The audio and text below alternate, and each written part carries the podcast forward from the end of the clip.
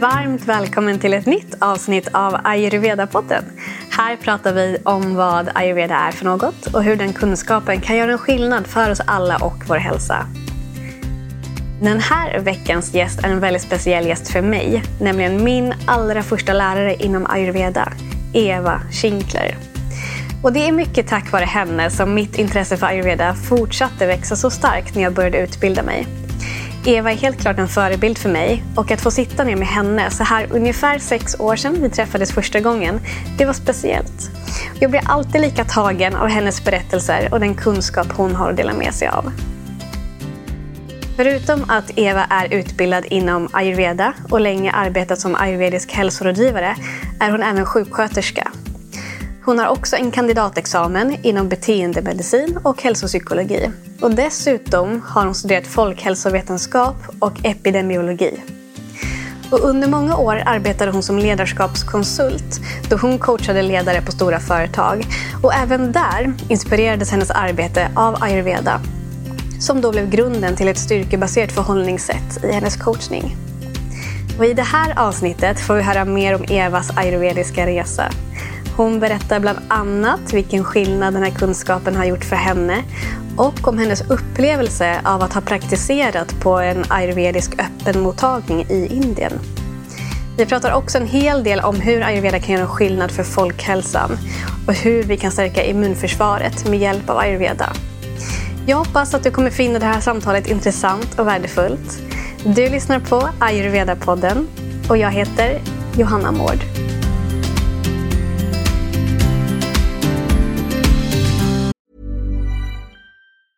Hey, it's Ryan Reynolds, and I'm here with Keith, co star of my upcoming film, If, only in theaters, May 17th. Do you want to tell people the big news? All right, I'll do it. Sign up now and you'll get unlimited for $15 a month in six months of Paramount Plus Essential Plan on us. Mintmobile.com slash switch. Upfront payment of $45 equivalent to $15 per month. Unlimited over 40 gigabytes per month. Face lower speeds. Videos at 480p. Active Mint customers by 531.24 get six months of Paramount Plus Essential Plan. Auto renews after six months. Offer ends May 31st, 2024. Separate Paramount Plus registration required. Terms and conditions apply if rated PG.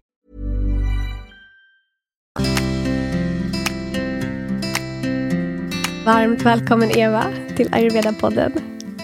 Tack så mycket. Så himla fint att ha dig här. Eh, min allra första lärare inom ayurveda. Wow. Ja, det är mycket tack vare dig som jag sitter här idag och Oj. gör den här podden.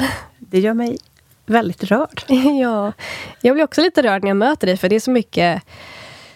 Um, men det var en väldigt emotionell tid på ett väldigt positivt sätt när jag fick lära känna ayurveda och göra det med hjälp av dig eh, i den formen som det var då. Jag gick, din, jag gick din utbildning ayurveda life training mm. 2016. Oj, så länge mm. sedan. Mm. Ja, det är så länge sedan. Mm. Det var magiskt. Det var magisk tid. Ungefär 150 utbildningstimmar från januari till september tror jag vi höll på. Precis. Och det förändrade mitt liv. Wow. Det gjorde det. ja. Alltså att få lära känna mig själv utifrån de ayurvediska principerna och förstå den läran. Och, och sen dess har det ju bara det har ju bara fortsatt. Liksom. Det var ju bara början på en, att lära känna den här stora vetenskapen. Mm. Mm. Och nu idag, många, många år senare, så har jag ju enormt mycket mer kunskap. Mm. Men känner mig fortfarande som en nybörjare. För det är ju det, är ju, det, är det som är häftigt med ayurveda. Det är så enkelt, men samtidigt väldigt komplext. Mm. Eller hur? Ja, Ja. Mm. Nej, det, det, man kan hålla på flera liv med oh, ayurveda. Ja, visst, visst kan man det. um, men så där någonstans började ju min resa. Men din resa inom ayurveda började långt innan dess. Så jag vill börja med att fråga, vad betyder ayurveda för dig? Ja, men det är precis som du sa. Det, när jag kom i kontakt med ayurveda så, så kände jag att jag kunde det här. Jag skulle bara lära mig det. Så jag kom hem. Mm. Så jag fick en känsla av att det jag hade under ytan och hade haft under hela eh, mitt liv, det fick jag en slags bekräftelse för. Och eh, jag kände att eh, wow, det här kommer jag hålla på med resten av mitt liv. Så det förändrar ju mitt liv också. Jag tror att mm. många säger så när man mm. kommer... Vår, i, I vår del av världen har vi liksom inte kommit i kontakt med den här läran, sättet att se på människor och omgivning och så vidare innan. Detta var ju då på 80-talet jag kom i kontakt med det här, 90-talet. Och det är klart att det förändrade ju mitt sätt att leva på många sätt. Och möta människor och fostra mina barn. Och Just det, exakt. Ja. Det är ju läran om livet. Och det här, vad ingår inte där? Allt. Alltså allt ingår ju där. Mm. Exakt, exakt. Och du sa där 80-90-talet. Men lite mer hur började din ayurvediska resa? Minns du det? Vad som Okej. hände då? Ja, men jag kanske ska backa lite då. För att jag var i USA 1980. Och eh, jag, eh, där kom jag i kontakt med yoga. Och jag hade varit gymnast och tränat väldigt mycket, fått ont jättemycket i ryggen och, och mm, sökt massa hjälp hos alla möjliga eh, kunniga människor i Sverige. Och då kom jag till San Francisco och där höll alla på med yoga. Och jag bara wow, vad är det här? Så 81 när jag kom tillbaka till Sverige så höll jag på med yoga. Och det var jättekonstigt för många människor.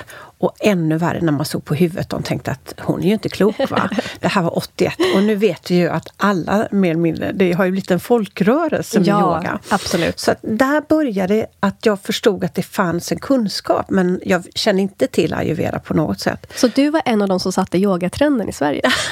Ja, det vill jag inte påstå, men jag var ganska tidig med det här, det Ja. måste jag säga. Ja. Nej, och sen eh, läste jag, jag hoppade av min tidigare karriär och sen läste jag in en sjuksköterskeutbildning när jag var ja, någon gång på 30, eh, när jag var runt 30-35.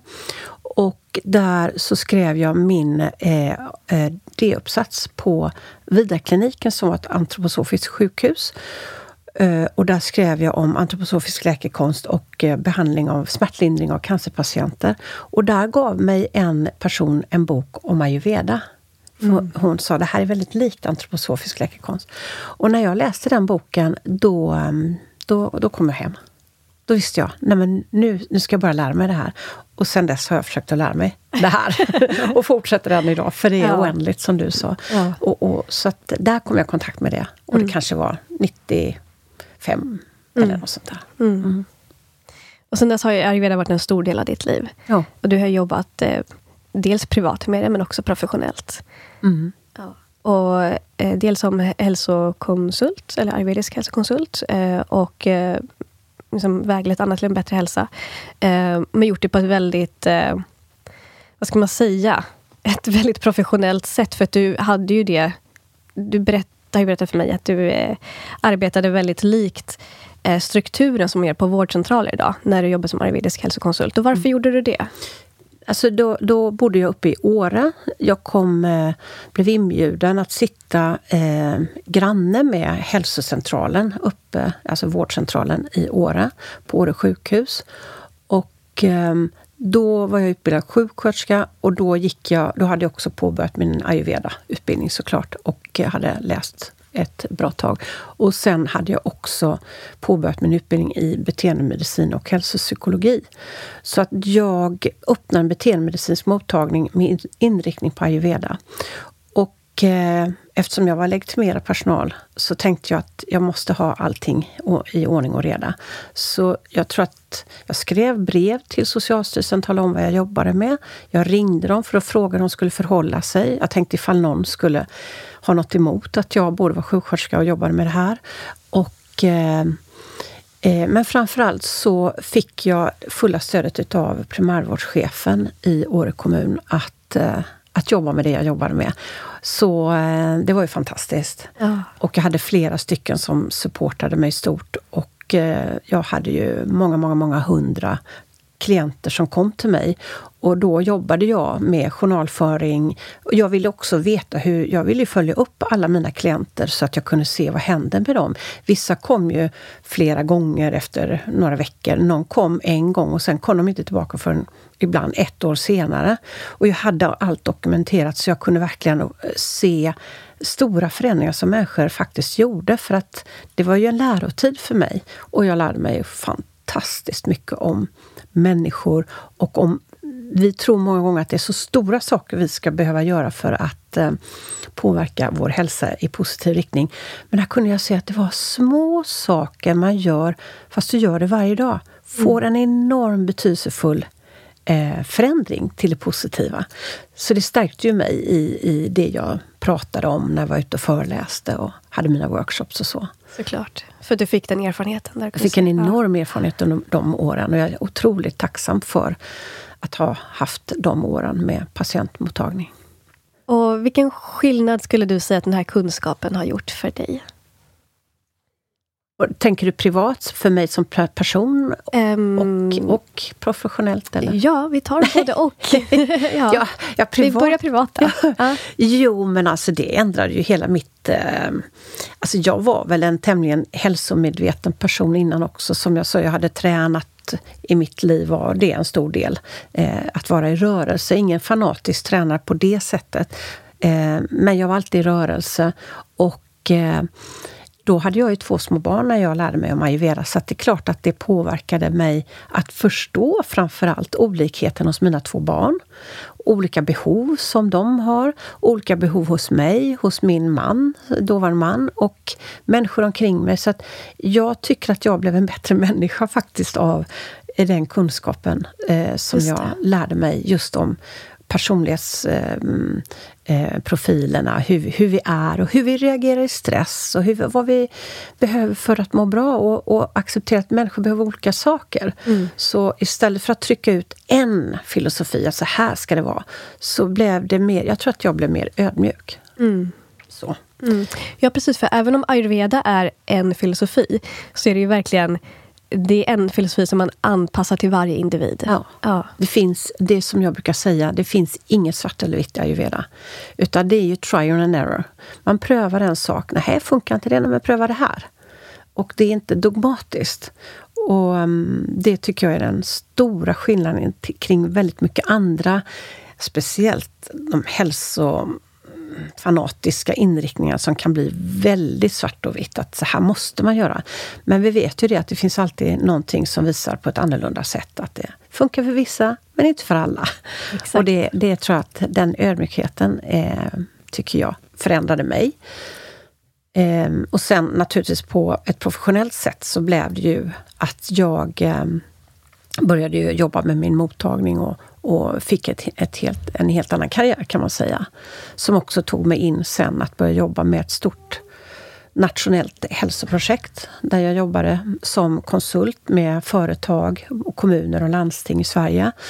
Det hette Sunt liv och bättre hälsa. Det var via eh, Sveriges kommuner och landsting och Svenskt Näringsliv som hade startat den här stora nationella eh, satsningen. Och där jobbade jag och då blev det att jag jobbade naturligtvis mycket mot ledarna i dessa företag. Och där började jag, eh, så, det, det såddes ett frö i mig i att jobba med det som sen blev ayurveda management. Så att jag, jag hittade vokabuläret och jag hittade sättet att föra in den ayurvediska filosofin in i näringslivet och i arbetslivet. Och jag fick också väldigt mycket positiv respons. Så att det var ju det jag, ska vi säga, två, eh, ensamstående tvåbarnsmamma i Stockholm.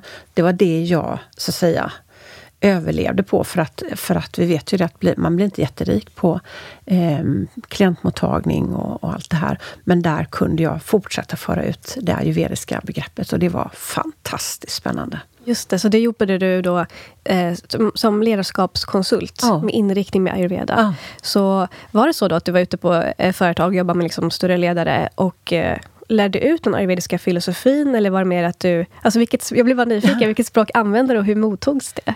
Så jag kommer ihåg, jag har jobbat med Ericsson, jag har jobbat med Telia, jag har jobbat med kommuner och landsting, jag har jobbat med eh, PricewaterhouseCoopers, jag jobbade med eh, AstraZeneca, jag har jobbat med jättemånga.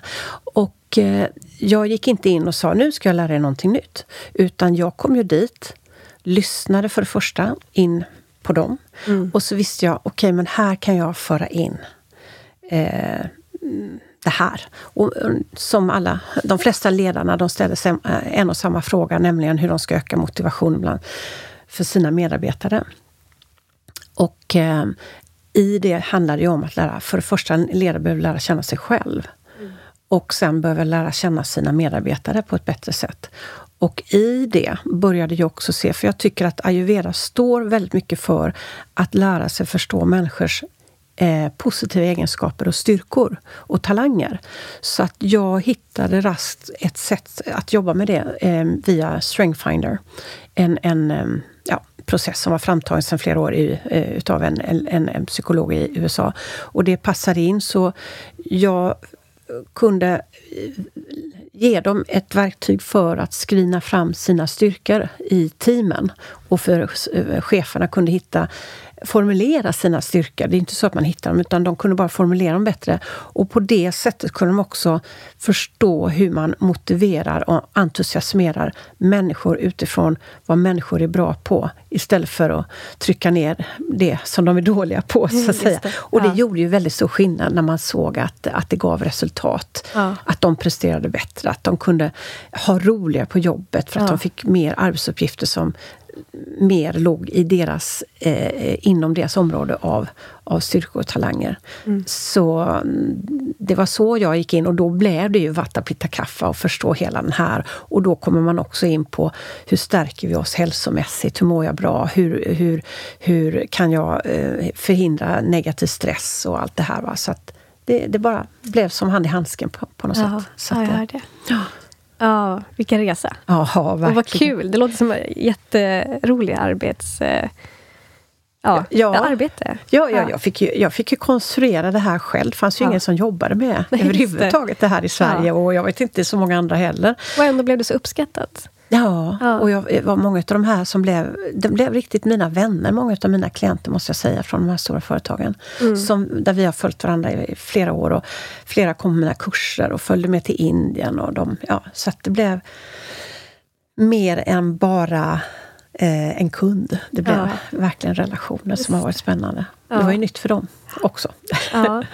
Och första gången jag var i Indien, då var ju där med dig. Ja, också. just det. Ja, det var också 2016. Var det? Jaha. Ja, november 2016. Ja.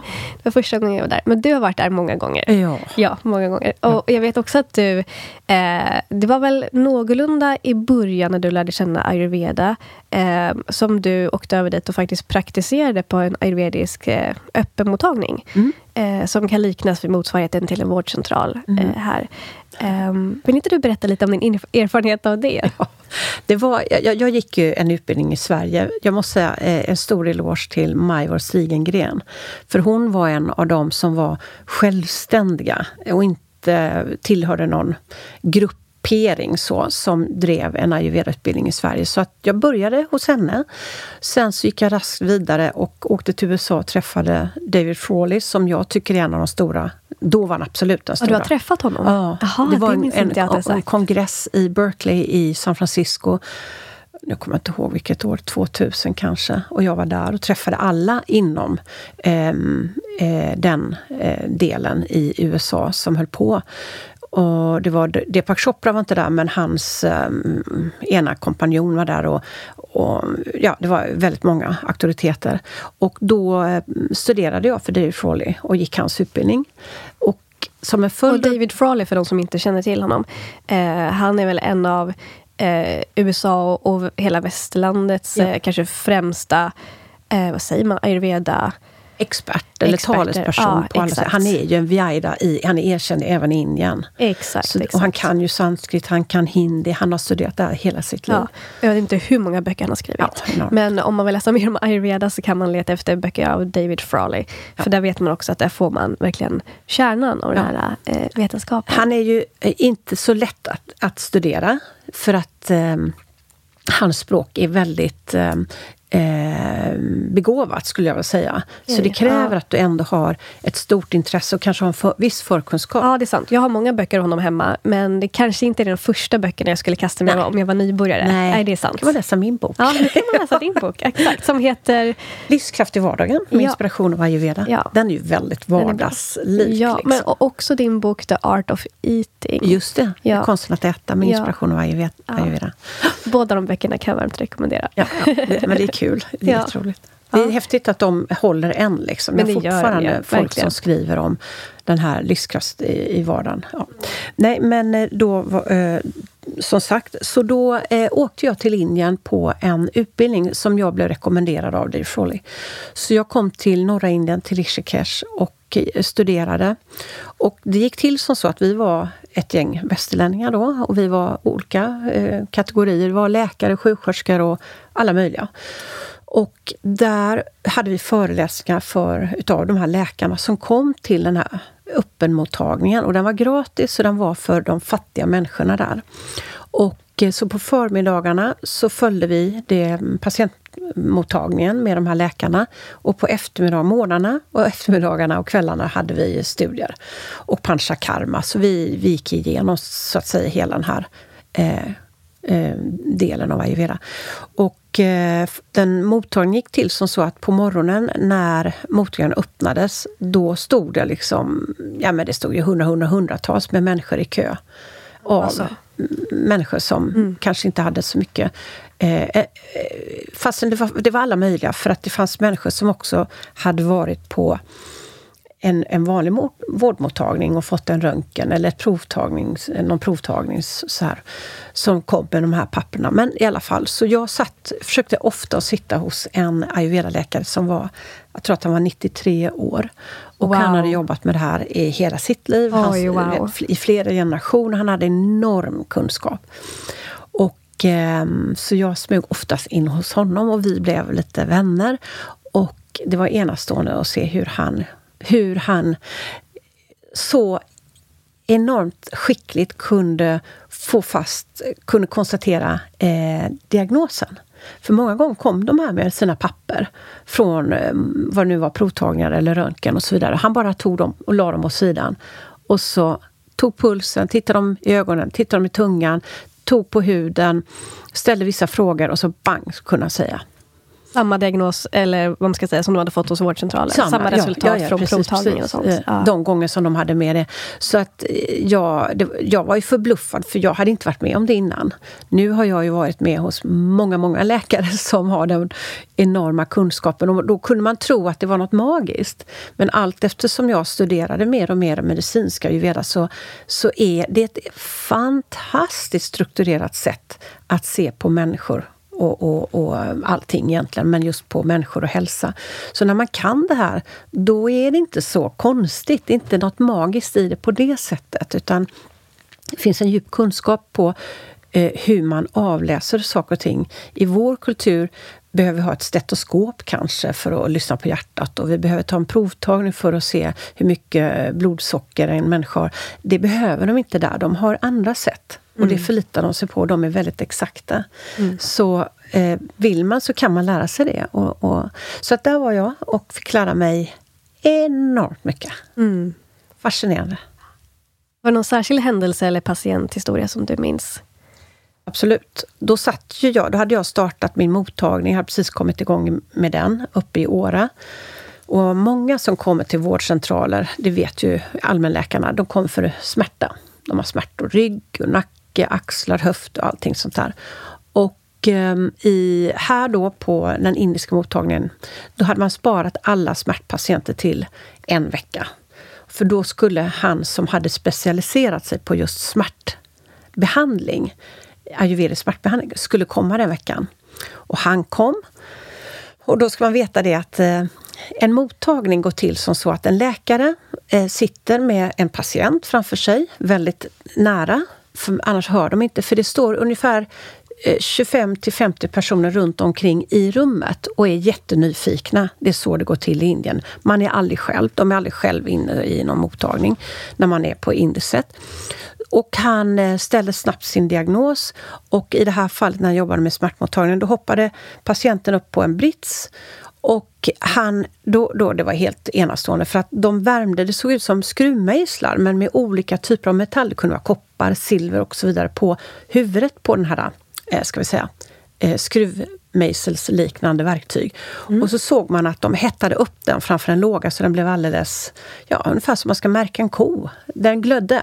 Mm. Och då gick han utifrån Nadis, de här som är som akupunkturlinjer eh, mm. eh, i kroppen. De är ju ganska snarlika kinesisk medicin och ayurveda. Och så kunde han, om man hade ont på ett visst ställe, då hittade han de punkterna, låt säga i hälen. Och där kan man säga att han brännmärkte tre punkter. Och, så, och det gick så fort så att då tänkte vi oj, det här kommer ju vara väldigt smärtsamt. Men det gick enormt snabbt att göra den här behandlingen. Och sen fick han på aloe vera gel och sen fick han eh, den här bränningen en gång till. Och tre gånger gjorde hon det. Och sen fullt med eh, gurkmejapulver, ett bandage och så var det nästa patient. Och då var det inte så här, man fick inte bränning i hälen för att man hade ont i hälen. Man kan ha ont i liksom nacksmärtor. Den, och, han, den här mannen som jag tänker på, det var en gammal man som de i princip bar in. Han kunde inte gå. Eh, han hade ont i ryggen. Han fick detta i hälen, båda hälen. Eh, och eh, ungefär då efter en vecka som han hade varit där så sa han så här I have less than 90% of my pain now. Wow. Och han kunde gå. Wow. Så det intressanta utifrån mitt perspektiv blev ju undrar hur länge det här sitter i. Mm. Tänk att göra en studie mm. på hur man behandlar smärta utifrån det här sättet. Mm. Eh, till skillnad hur vi, bo, vi försöker ge människor både eh, rörelseinstruktioner och, och smärtlindrande mediciner. Här det gick på fem dagar så gick han. Liksom. Mm. Så jag tror inte att det är så att för alla, men det finns nog väldigt mycket mer vi kan göra. Men det är ändå någonting du har upplevt? Ja, det upplevde jag. Det, och det, ja. vi var ju väldigt många, var både läkare och som sagt och jag och sjuksköterskor. Så vi blev ju häpna över att se det här resultatet. Mm. Mm. Ja, det kan jag tänka mig. Jag praktiserade också på en ayurvedisk sjukhus nere i Kerala. Jag var där och utbildade mig. Wow. Eh, jättehäftigt att mm. bara få se liksom, patienter som ja, men, kommer och går och mm. hur de bemöter patienterna. Mm. Och liksom att det är, eh, jag tänkte mycket på det, att det finns en helt annan närvaro i det oh ja. bemötandet mm. jämfört med eh, bemötandet på mm. många andra vårdcentraler här i, i väst. Det är fint det du säger, för det var också det som, som blev så som man aldrig får lära sig. Jag tänkte, jag hade, jag hade ju gått sjuksköterskeutbildningen, men, och vi fick lära oss något, omvårdnad, hette det. Men det var liksom inte på djupet. Men här fick jag förstå att jag hjälper människor att läka om jag kan befinna mig i ett helande tillstånd. Alltså att vara fri från friktioner och stress och problem och konflikter. Och det är inte så att mitt liv eh, har varit fritt från det. Men när jag går in och jobbar med människor, att vara, att vara eh, fokuserad och helad. Och det gör ju de alltid. De ber alltid innan de jobbar med en patient. De tänder rökelser. Så de är i rummet med den här klienten. Mm. Eh, och det tyckte jag, wow, det var nytt. Och det var fint. Exakt. Och inom ayurveda säger man också det att eh, först ta reda på vem du har framför dig och sen kolla på vilka symptom det är. Och så mm. vidare. Eh, för det kan ju komma in fem personer med samma mm. diagnos. Mm. Men det betyder inte att de är samma grundkonstitution och då behöver de olika behandlingar. Ja, ja. precis.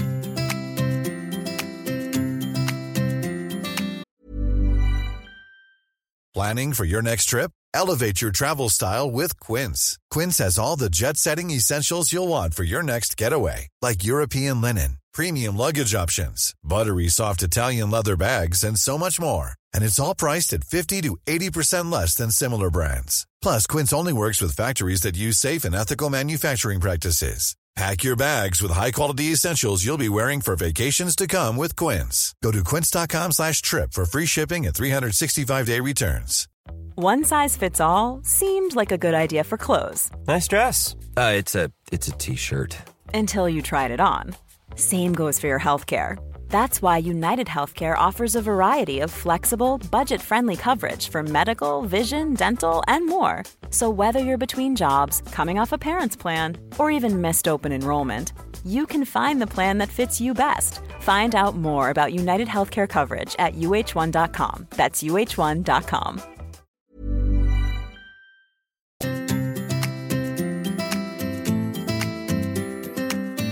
Men jag vet ju också att du brinner för att stärka folkhälsan.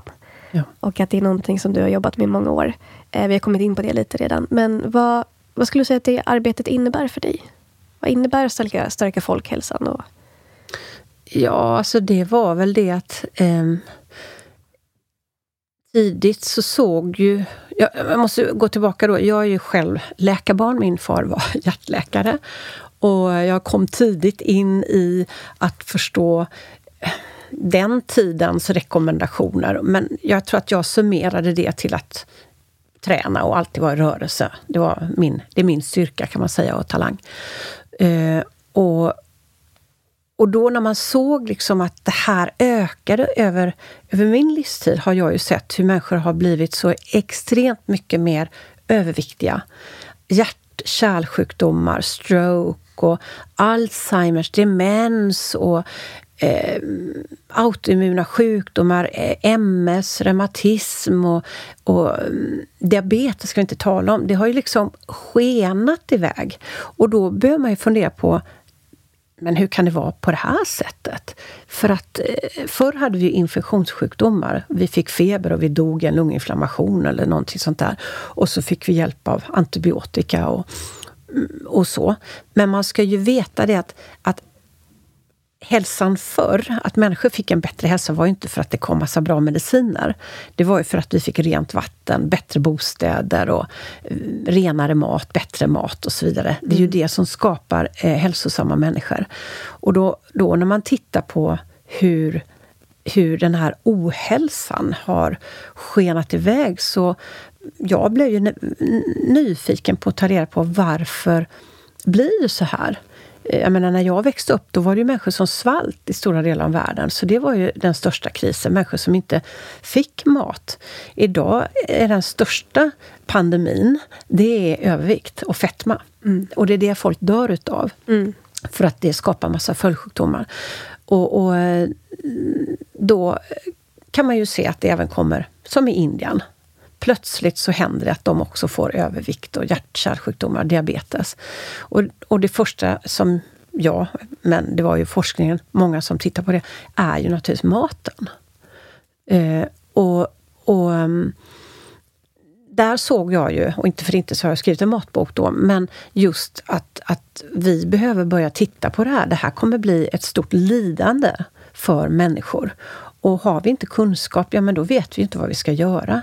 Så det är klart att jag började brinna för ja, att eh, utbilda eller att väcka människor till att se det är inga stora under man behöver göra. Man, återigen, det är små justeringar som man mm. kan göra för att skapa den här bättre livsstilen som, som är grunden för en god hälsa.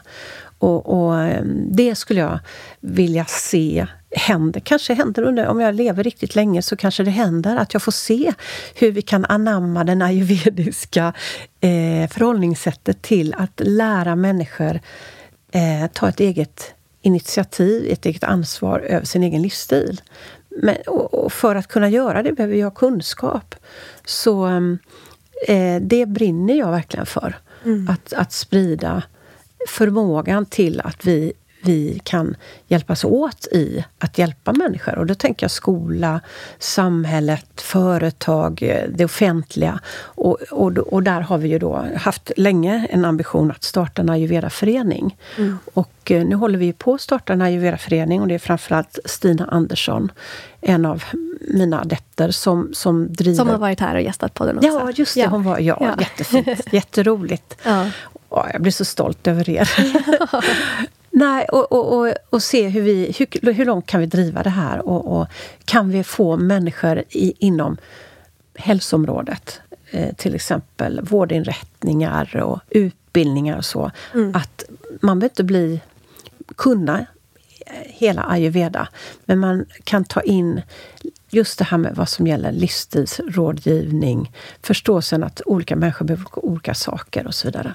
Mm. Så ja, det brinner jag för. Mm. Ja, men det är verkligen en stor del i ayurvedan. Dels är det att, eh, som du kom in på det här med att ta eget ansvar för sin egen hälsa. Eh, och eh, gör man det så och har, får lite kunskap om ayurveda så kan man ju förebygga väldigt mycket. Eh, och också det som du sa, att mycket av liksom, att stärka folkhälsan handlar om att lära sig att äta. Eh, mm. på ett hälsosamt sätt. Mm. Och det var när jag gick din ayurveda-utbildning eh, som jag första gången fick höra att vad du äter är sekundärt ja. och hur du äter är primärt. Ja. och det, det var nytt.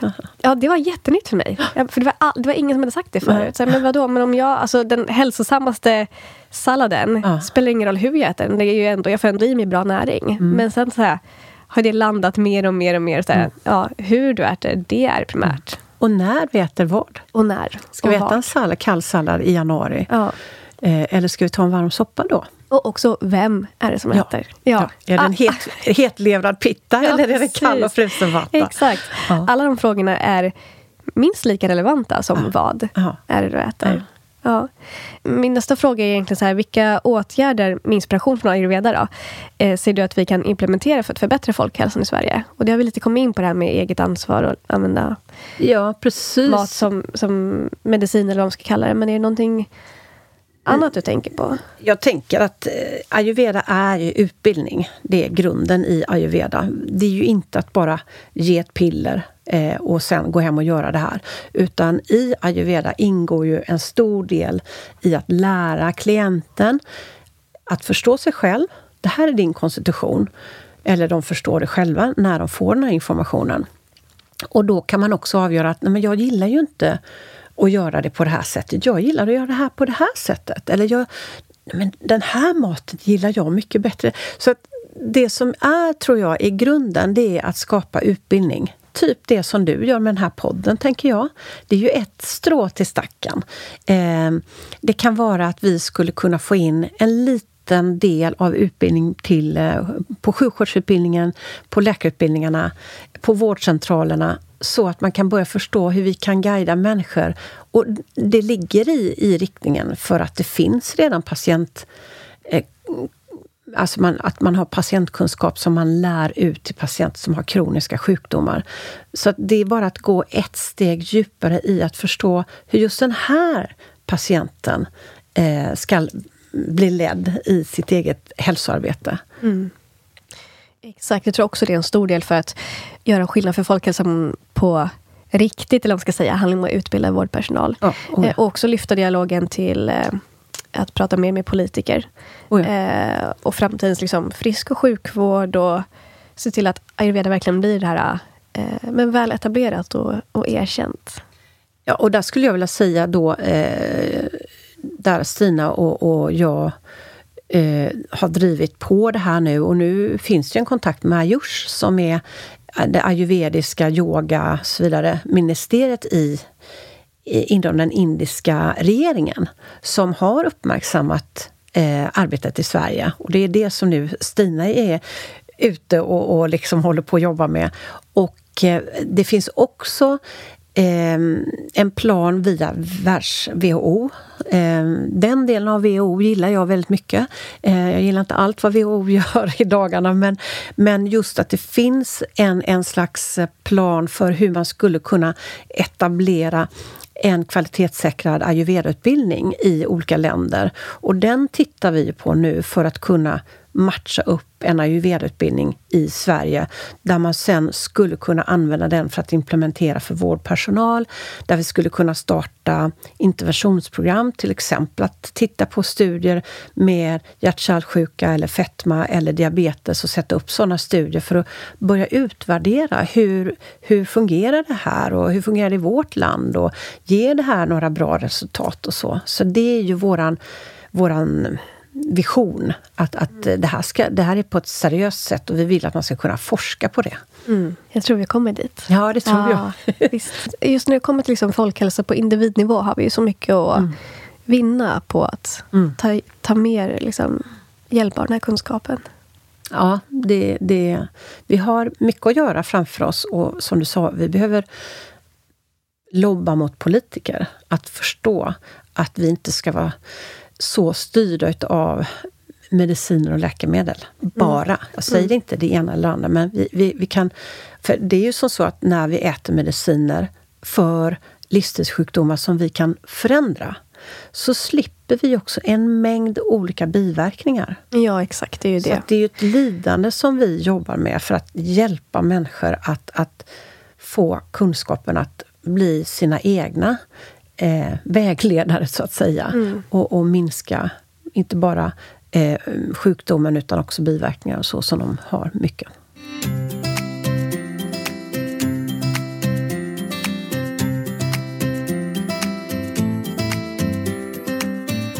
En stor del av att arbeta med eh, folkhälsan handlar ju också om att stärka immunförsvaret. Och det vet jag att det är också någonting som du brinner för. Eh, och där har ju ayurveda oss eh, jättemycket att lära. Så vad skulle du säga, vad, vad kan ayurveda lära oss om immunförsvaret? Eh, och, massor.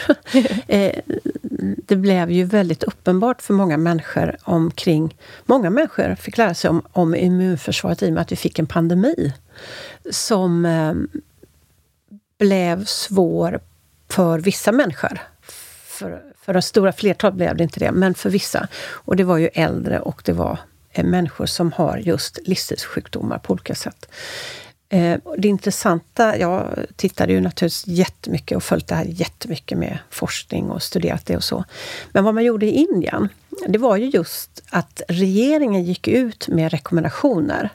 Eh, helt enkelt program för eh, vanliga medborgare, yogalärare, eh, ayurveda-läkare, eh, olika människor i samhället som fick olika instruktioner för hur man skulle hjälpa människor att stärka sitt immunförsvar. Och där har man ju en helt annan syn på det än bara man stoppar i mun. Så det var andning, det var yoga, det var meditation och det var att använda sig av naturliga eh, örter och växter och ayurvediska mm, eh, mediciner och omslag och så som man kan göra. Man kan andas in olika örter ifall man får eh, hosta och så vidare. Så, vidare. så att det här har ju gjort att, att de klarade sig väldigt, väldigt bra i Indien.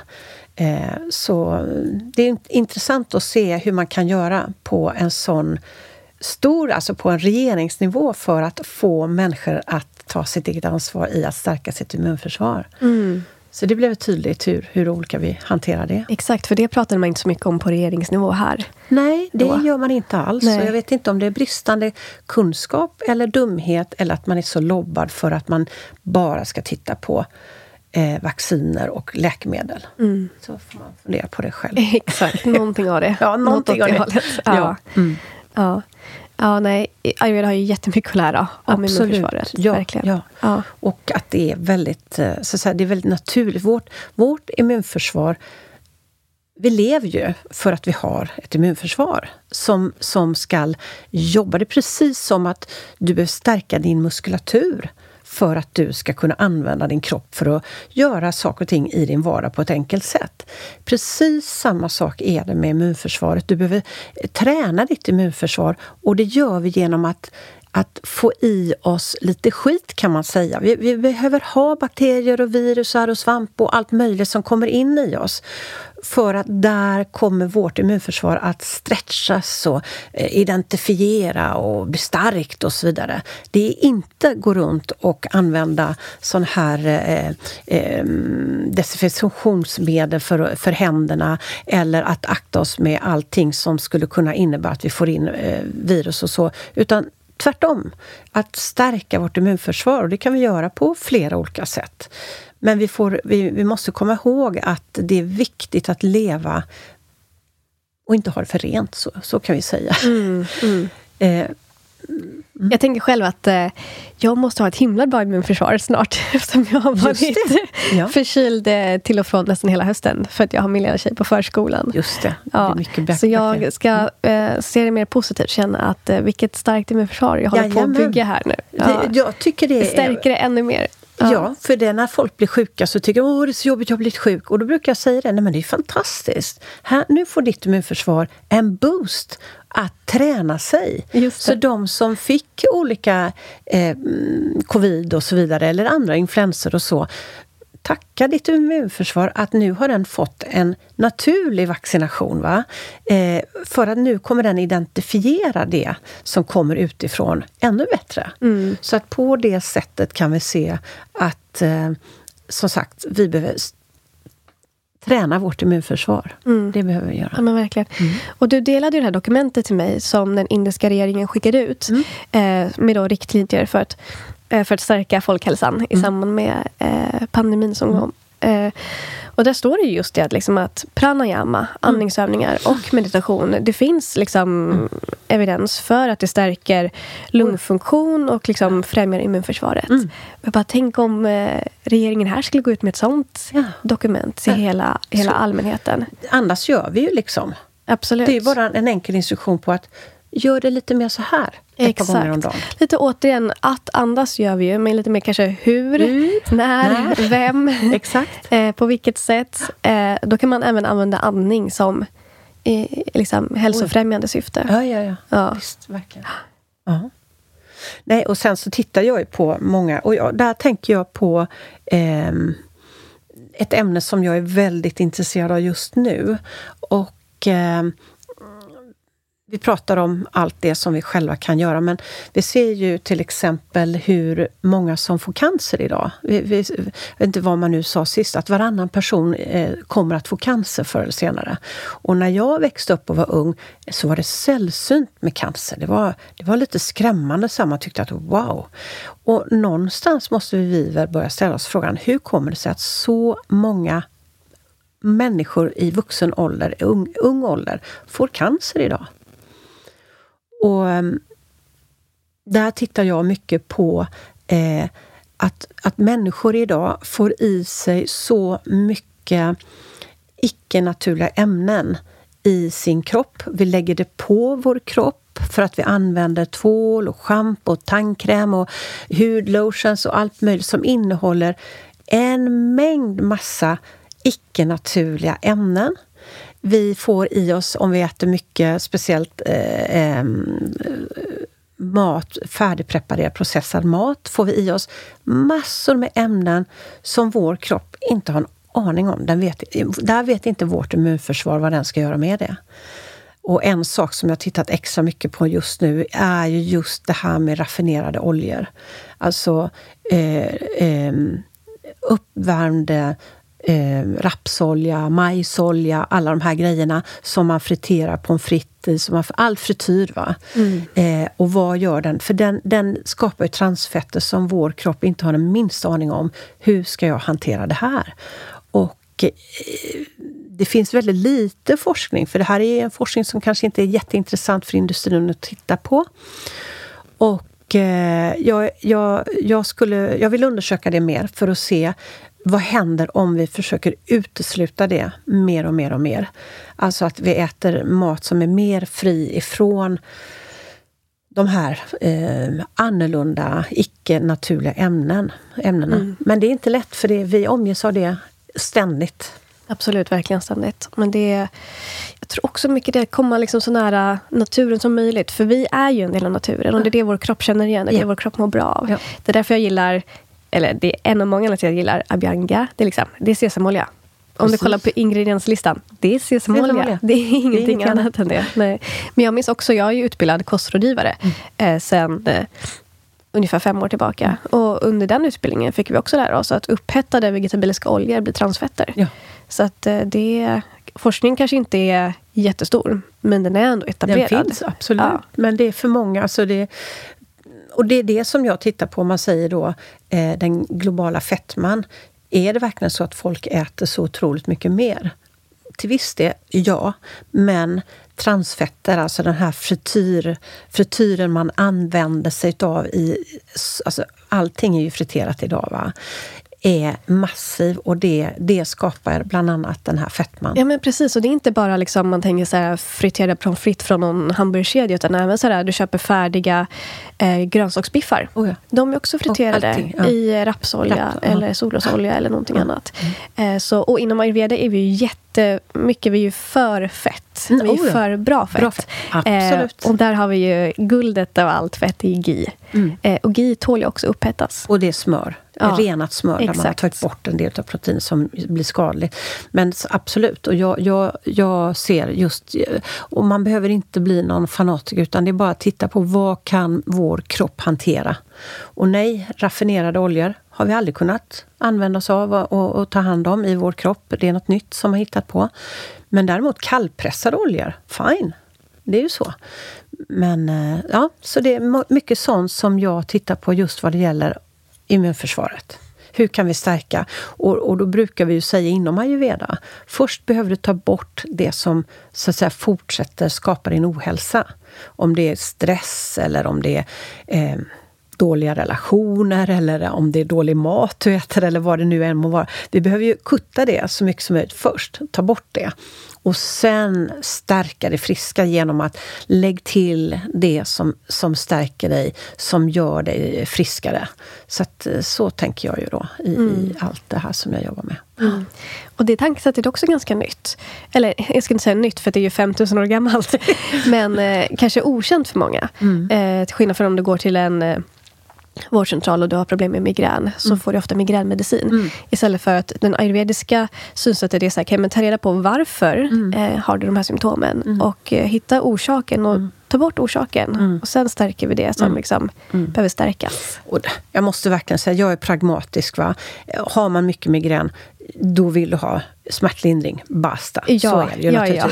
Men så vi jag... sitter, precis, det är bra att du säger det. För ja. Vi sitter inte här och säger att nej. vårdcentral inte behövs. För herregud, det behövs. Nej, nej. Eh, det vi vill vi har med ett samtal, eh, tror jag, du och jag, där vi ja. säger att vi vill ha både och. Yes, och ja. att stärk det som går att stärka.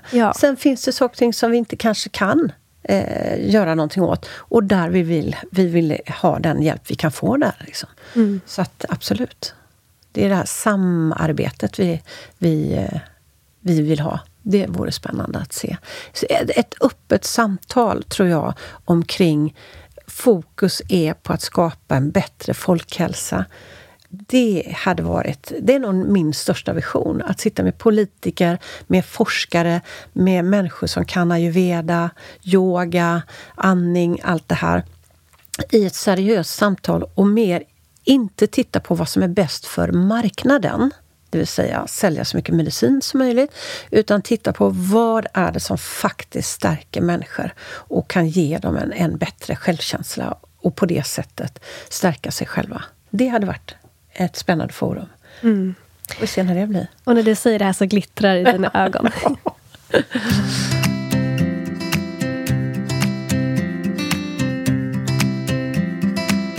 Jag tror vi avslutar ja, med, med de orden. Jätteroligt. Ja. Tack snälla Eva för att du har varit ja. här och delat med dig av din kunskap och dina erfarenheter och din vision och ja, allt vi har pratat om.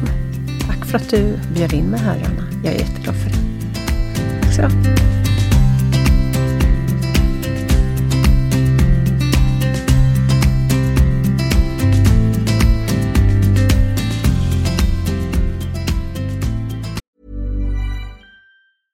Ever catch yourself eating the same flavorless dinner three days in a row? Dreaming of something better? Well, HelloFresh is your guilt-free dream come true, baby. It's me, Gigi Palmer. Let's wake up those taste buds with hot, juicy pecan-crusted chicken or garlic butter shrimp scampi. Mm. Hello Fresh. Stop dreaming of all the delicious possibilities and dig in at HelloFresh.com. Let's get this dinner party started.